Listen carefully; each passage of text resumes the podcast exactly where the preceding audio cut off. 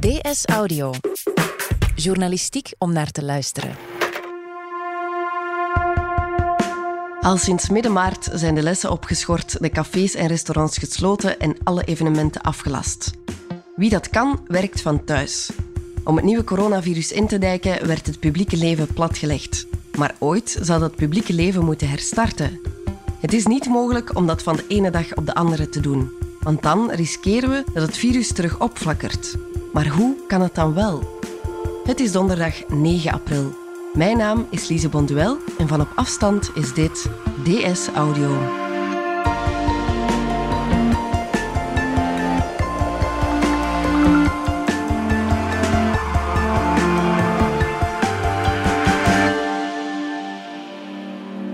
Dag Dries met wetenschapsredacteur bij De Standaard. Jij onderzocht voor de krant op welke mogelijke manieren we in de toekomst ons gewone leven beetje bij beetje weer zouden kunnen oppikken.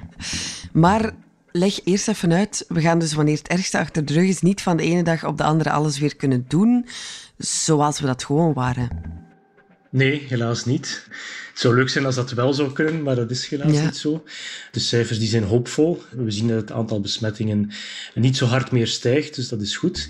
Mhm. Maar er zijn nog wel altijd mensen die besmet zijn en die het ook aan anderen doorgeven. En dus als we nu alles opnieuw zouden doen zoals we dat gewoon waren, ja, dan zal het aantal besmettingen opnieuw oplopen. En krijg je eigenlijk dezelfde toestand als daarvoor, een snel oplopend aantal besmettingen. Ehm, en zit opnieuw in de situatie waar de ziekenhuizen niet meer aan kunnen en als je kijkt bijvoorbeeld naar de containerparken eh, die dinsdag opnieuw geopend werden, mhm. dan zag je meteen dat daar grote chaos was. Dus dan zie je ook alleen al daaraan dat het snel openen van alles tegelijkertijd geen optie zal zijn, want dan krijg je opnieuw grote groepen mensen die samen zijn. Mhm. En dat zorgt voor besmettingen, dat weten we. En ja, er is een oplossing om meteen terug te gaan naar normaal. Dat is iedereen vaccineren, uh, of toch een mhm. grote groep vaccineren.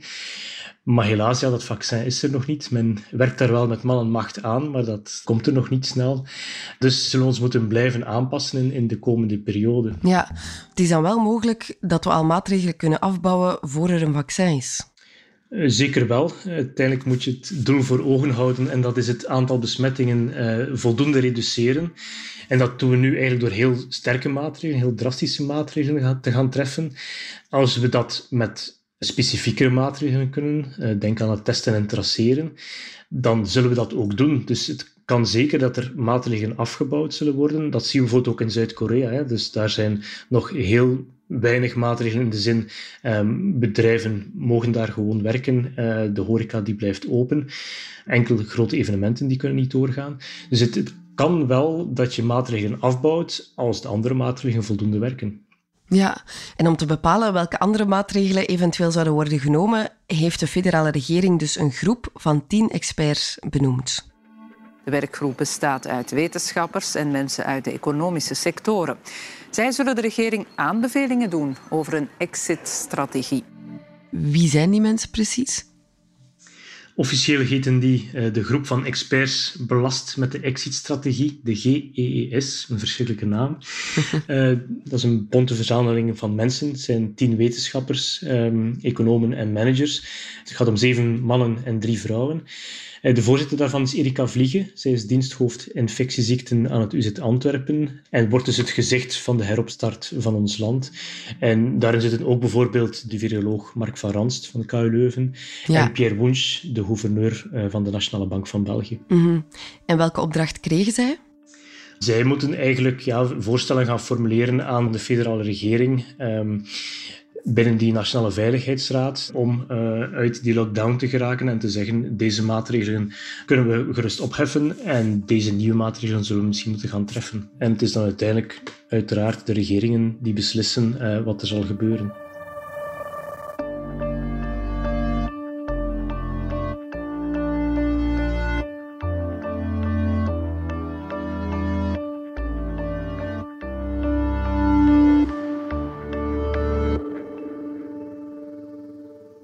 De groep van experts belast met de exit-strategie zal dus de regering adviseren hoe we ons normale leven op termijn weer zouden kunnen oppikken.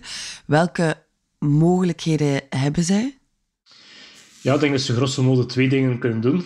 Eén is de huidige maatregelen afbouwen. Denk aan de scholen opnieuw gaan openen, eh, bedrijven opnieuw laten gaan opstarten. Mhm. En anderzijds kunnen ze ook nieuwe maatregelen in het leven roepen die ervoor zorgen dat het aantal besmettingen eh, in de toekomst ook beperkt blijft. En hoe succesvoller die nieuwe maatregelen zijn, ja, hoe meer van de huidige maatregelen we zullen kunnen afbouwen. Ja, en over welke nieuwe maatregelen hebben we het dan? Eén daarvan zou kunnen zijn uh, testen en traceren, uh, zoals Zuid-Korea dat doet. Dus wat Zuid-Korea doet, is ze gaan elke brandhaard gaan opsnorren en uitgebreid gaan traceren. Vanaf dat mhm. ze iemand vaststellen met symptomen, uh, ze gaan die gaan testen die blijkt besmet te zijn. Dan gaan ze gaan kijken met wie heb je allemaal contact gehad, waar is die persoon geweest. Iedereen die een mogelijk contact had gehad met iemand die besmet is, ja, die krijgt daarvan een waarschuwing um, en moet zelf in quarantaine of moet eventueel ook zelf getest worden. op die manier ga je elke mogelijke uitbraak meteen in de kiem gaan smoren. Mm Maar zijn we daar niet al mee bezig met dat testen? Ja, dat doen we nu al. Er zullen meer mensen getest worden op corona in ons land. Een pak meer mensen zelfs. Want vanaf nu is er voldoende capaciteit om 10.000 mensen 10.000 per dag te testen op het coronavirus. Dus dat is best wel al veel. Maar tot nu toe zijn we vooral gaan testen in bepaalde groepen. In de ziekenhuizen bijvoorbeeld. Wie binnenkomt, wordt daar getest om te zien, ja, heeft hij COVID-19, om dan de juiste behandeling te kunnen krijgen.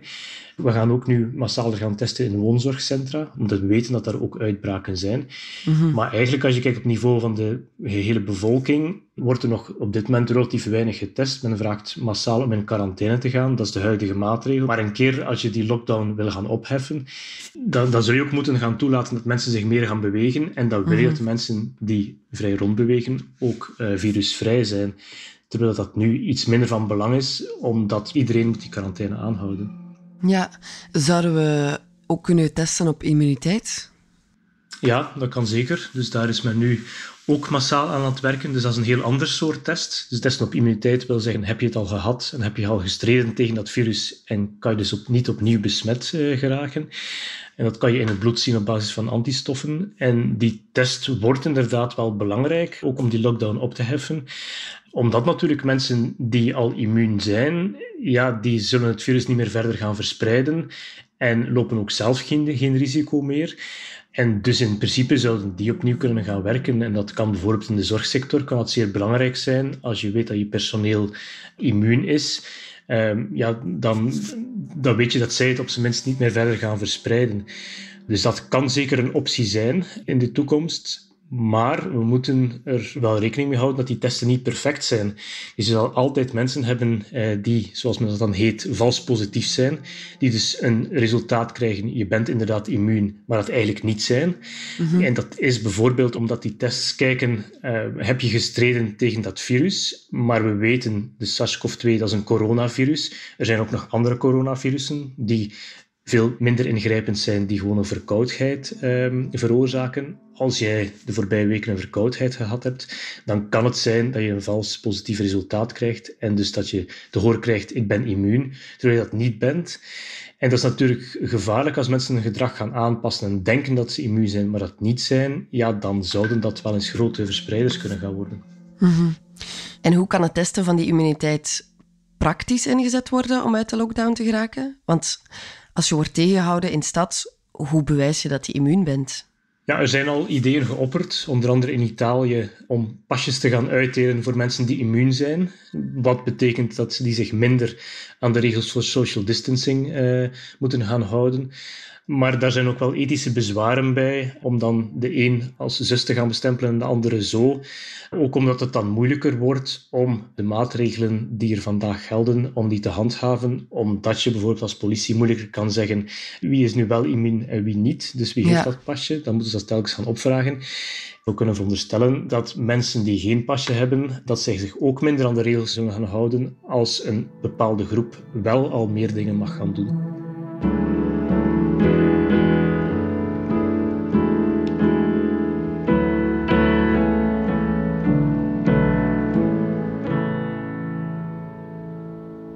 De afgelopen dagen en weken is er ook veel gezegd geweest over het al dan niet verplicht maken van mondmaskers. Is dat ook een optie, dat iedereen die buiten komt zal verplicht worden om een mondmasker te dragen? Het is een maatregel die op het eerste zicht logisch lijkt. We weten dat uh, het virus zich verspreidt via druppeltjes. Uh, en mondmaskers kunnen die tegenhouden. Uh, maar anderzijds, verder is veel discussie over. Mondmasker leek wel het woord van de dag vandaag. Op allerlei plekken en niveaus was er veel discussie. Wetenschappers lijken het er niet helemaal over eens. Er is verwarring over de vraag of het voor gewone burgers wel of niet zinvol is om een mondmasker te dragen als bescherming tegen het coronavirus. Er is geen onderzoek die bewijst dat een algemene verplichting echt zou helpen. Uh, het zou ook verkeerd kunnen uitdraaien, omdat je een vals veiligheidsgevoel gaat gaan krijgen en mensen mm -hmm. zich dan toch opnieuw anders gaan gedragen. En er is ook een praktisch probleem. Er zijn op dit moment te weinig maskers. Eh, ik denk dat die maskers in de eerste plaats nu nodig zijn eh, in de zorgsector. Denk maar aan de ziekenhuizen of de rust- en verzorgingstehuizen. Maar je voelt aan de hele expertengroep dat die daar geen grote voorstanders zijn van algemene verplichtingen verplichting om mondmaskers te dragen. Wat wel zo zal zijn, is dat dat waarschijnlijk uh, geadviseerd of opgelegd zal worden voor die beroepen die opnieuw opgestart worden en waar het niet mogelijk is om voldoende afstand te houden. Dus men kan het zeker al doelgericht gaan inzetten in bepaalde sectoren. Uh, de vraag is of dat, dat algemeen verplicht zal worden. Um, ja, dat, ik denk dat ze daar zelf ook nog niet over uit zijn. -hmm. En dan zijn er ook nog een paar experimentele manieren die kunnen helpen om de draad weer op te pikken. Welke zijn dat? Ja, er zijn heel veel voorstellen die gelanceerd worden, de een al wat gekker dan de andere. Eén voorstel is een, is een soort van hotel corona gaan organiseren. Dat wil zeggen dat je mensen bewust zal gaan besmetten met kleine dosissen, dosissen die kleiner zijn dan wat mensen vandaag te verwerken krijgen. Op die manier gaan ze dan immuun gaan worden en kunnen ze eigenlijk voort met het leven. En als je dat met voldoende mensen doet, dan krijg je groepsimmuniteit. Wat wil zeggen, als voldoende mensen die besmetting al gehad hebben, dan breekt dat virus niet meer door en dooft dat veel sneller uit, waardoor we er meteen vanaf zijn, zeg maar. Maar denk, denk, toch maar niet dat het snel zal komen. Daar zijn ook heel veel ethische bezwaren tegen. Mm -hmm. Vooral ja, als je mensen gaat gaan besmetten. Je gaat dat natuurlijk gaan doen met mensen die veel minder kwetsbaar zijn, die niet in de risicogroepen zitten. Maar we weten dat er ook risico's zijn. Ook jonge mensen ja. kunnen overreageren op dat virus. En ja, er is geen enkele dokter die bereid zal zijn op dit moment om dat te doen, voordat we heel goed weten wie loopt eigenlijk een risico ja. en wie krijgt het eigenlijk zonder symptomen. Um, ja, het is niet zonder gevaar. Nee, dat klopt. Nee. En er wordt ook gedacht aan andere out-of-the-box oplossingen. Um, in Nederland bijvoorbeeld heeft men al geopperd om het land te verdelen in regio's. En dan te gaan zeggen, we gaan per regio het virus loslaten. Dus één regio mag dan opnieuw vrij gaan bewegen. En dan weten we dat er meer besmettingen gaan komen. Maar als dat leidt tot hospitalisaties, dan gaan we dit hele land gaan, gaan inzetten om die zieken te gaan opvangen. Maar ook dat is opnieuw een risicovolle strategie, omdat we weten dat dat leidt tot heel veel ziekenhuisopnames, tot een hoge belasting op intensieve zorgen. En het is zeker niet zo dat iedereen die op intensieve zorgen daar goed uitkomt. Uh, mm -hmm. Je weet dat er grote sterfte is op intensieve zorgen. Dus je weet, als je dat gaat gaan doen, uh, dat je zal ja, zorgen voor, voor heel wat extra doden. Dus ook dat lijkt me niet meteen uh, in te voeren.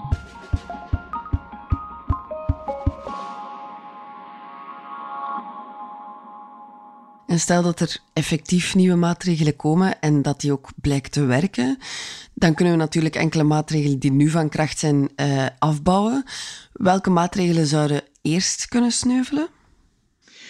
Ja, ik denk dat dat een afweging zal zijn uh, van eigenlijk grosso modo twee factoren. Eén, welke maatregelen hebben een grote invloed gehad om die besmetting in te dijken? Uh, dus hoe groter de impact om de besmetting in te dijken, hoe moeilijker die af te bouwen is. Want als je die afbouwt, dan ga je mogelijk snel opnieuw veel besmettingen krijgen.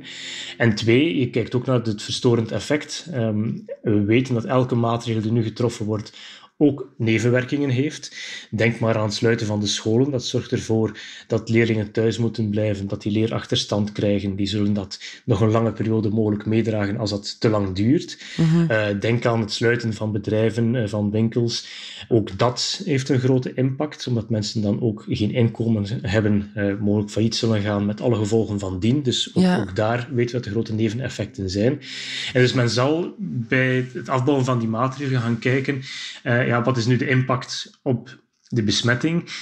En ja, hoe verstorend is die maatregel? En ik denk, waar men zeker in eerste plaats naar zal kijken, is het heropenen van scholen. Um, het is op dit moment nog onduidelijk in welke mate is het zo dat kinderen grote verspreiders zijn.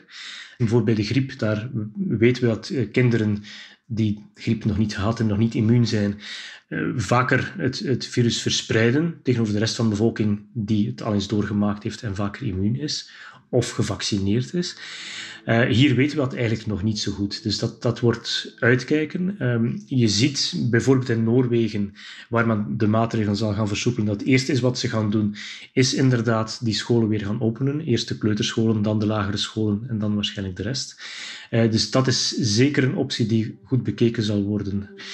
En ik denk het tweede wat men ook zal bekijken is um, ja, veel meer mensen opnieuw aan het werk laten. Um, Vandaag mogen de essentiële bedrijven nog werken in andere bedrijven waar men voldoende afstand kan garanderen. Natuurlijk, om de economie opnieuw op gang te krijgen, zal men ook gaan kijken welke sectoren kunnen nu opgestart worden en welke eerst. En welke sectoren kunnen zich ook aanpassen, kunnen aangepast werken, zodat we het uh, risico op de verspreiding gaan beperken. Niel Hens bijvoorbeeld van de Universiteit Antwerpen en de Universiteit Hasselt heeft daar onderzoek naar gedaan. Wat is nu het effect bijvoorbeeld van telewerk? Mhm. We verwachten daar toch een groot effect op het aantal besmettingen en ook op het uitstellen van een mogelijke piek van besmettingen, wat dan van belang mhm. is om de toevloed in de ziekenhuizen aan te kunnen. Dus als we opnieuw gaan opstarten, is het ook waarschijnlijk dat er gevraagd zal worden om zoveel mogelijk te blijven telewerken, zolang we geen vaccin gevonden hebben. En hoe zit het met uh, de evenementen, de festivals deze zomer? Ja, ook daar is discussie over. Um, je hebt onderzoekers die zeggen daar is een relatief klein risico omdat wel veel mensen samenkomen, maar die hebben daar nooit langdurig contact. Mm Anderzijds weten we uit de praktijk dat er wel besmettingen komen uit massa-evenementen. Denk aan carnaval, denk aan Fuiven. Eh, in Alken was dat verhaal. En je voelt bij experts een grote terughoudendheid om die evenementen opnieuw te gaan opstarten, omdat er een risico is op grote verspreidingen. Dat is één. En twee, omdat die waarschijnlijk ook niet prioritair zijn om je economie terug op gang te krijgen. Men zal eerst kijken naar scholen en bedrijven en pas later naar festivals, massa-evenementen en waarschijnlijk ook horeca. Mm Oké, maar om het toch positief te bekijken, er liggen dus wel wat mogelijke strategieën op tafel die ons moeten helpen om een einde te maken aan de huidige lockdown light. Is het al bekend wanneer de tien experts met hun advies over de volgende stap zullen komen? Nee, die zijn nu met man en macht aan het werken. Die hebben nu een, een heel volle agenda met, met heel veel vergaderingen. Dus daar is heel druk overleg. Uh, maar er is geen strikte timing opgelegd vanuit de regering wanneer zij met voorstellen zullen moeten komen. De regering zal moeten beslissingen nemen naar het eind van de paasvakantie, want de huidige maatregelen lopen in principe af eind van de paasvakantie. Er is een optie om te gaan verlengen tot 3 mei. En het is waarschijnlijk dat dat voor het gros van de maatregelen ook zal gebeuren. Mhm. Maar ja, wanneer er voorstellen zullen zijn en wanneer dan de maatregelen gelost zullen worden of er nieuwe maatregelen zullen komen, ja, dat is op dit moment nog onduidelijk. Ik denk dat men ook nog wel wat kijkt naar de ziekenhuizen. We mhm. zien dat er een goede evolutie is in het aantal nieuwe ziekenhuisopnames. Maar natuurlijk, ja, mensen die opgenomen worden, die liggen daar voor langere tijd. En dus de ziekenhuizen, ja, die blijven op dit moment nog wel vol liggen. Mhm. Professor Vliegen uh, die zei dinsdag dat ze ook wel rekening houdt met kritiek. Onze beslissingen zullen niet altijd naar ieders wens zijn. Sommigen zullen geduld moeten oefenen, maar daar zal altijd een goede reden voor zijn. Zal er zoveel kritiek zijn, denk je? Ja, ik denk uh, hoe langer de, de lockdown duurt, hoe meer er druk zal zijn op de regering om zoveel mogelijk maatregelen op te gaan heffen. Uh, dat is ook logisch, want die maatregelen zijn zeer verstorend. Elke sector zal daar hard voor lobbyen dat zijn sector zeker weer open zal mogen. En we zullen ook in de cijfers zien dat het ook wel kan met een aantal sectoren op terug gaan opengaan, omdat we nog zo weinig besmettingen hebben. Maar je kan de berekening maken in die zin, als we een klein beetje nieuwe besmettingen krijgen, ja, dan kunnen we dat nog aan qua ziekenhuizen. En dan zal dat niet tot een heel grote sterfte leiden. Maar we kunnen niet alles terug openstellen. Dus elke beslissing die genomen zal worden om het een wel te doen en het ander niet, dat zal sowieso heel veel kritiek gaan uitlokken. En dus als we scholen en bedrijven, waar men toch eerst zal, naar, naar, zal kijken, eerst zal openen, ja, dan zal dat ook tot kritiek leiden van zeg maar, bijvoorbeeld restaurants, eh, cafés of de evenementensector. Ja, we houden het samen in de gaten. Dries de Smet, heel erg bedankt. Dat is graag gedaan. Dit was DS Audio. Wil je reageren? Dat kan via dsaudio.standaard.be. In deze aflevering hoorde je Dries de Smet en mezelf, Lise Bonduel. De redactie gebeurde door Brecht Plasgaard en Pieter van Malen. De eindredactie door Pieter van Malen. Brecht Plasgaard deed de audioproductie. Brecht schreef ook de muziek die je hoorde in deze podcast. Chef audio is Wouter van Driessen. Vond je deze podcast interessant? Weet dan dat je er elke werkdag één kunt beluisteren. Dat kan via de DS Nieuws app of via standaard.be-audio. Je kunt je ook abonneren via iTunes, Spotify of de podcast app van je keuze. En als je daar dan toch bent, schrijf gerust een review. Zo toon je ook anderen de weg. Morgen zijn we er opnieuw.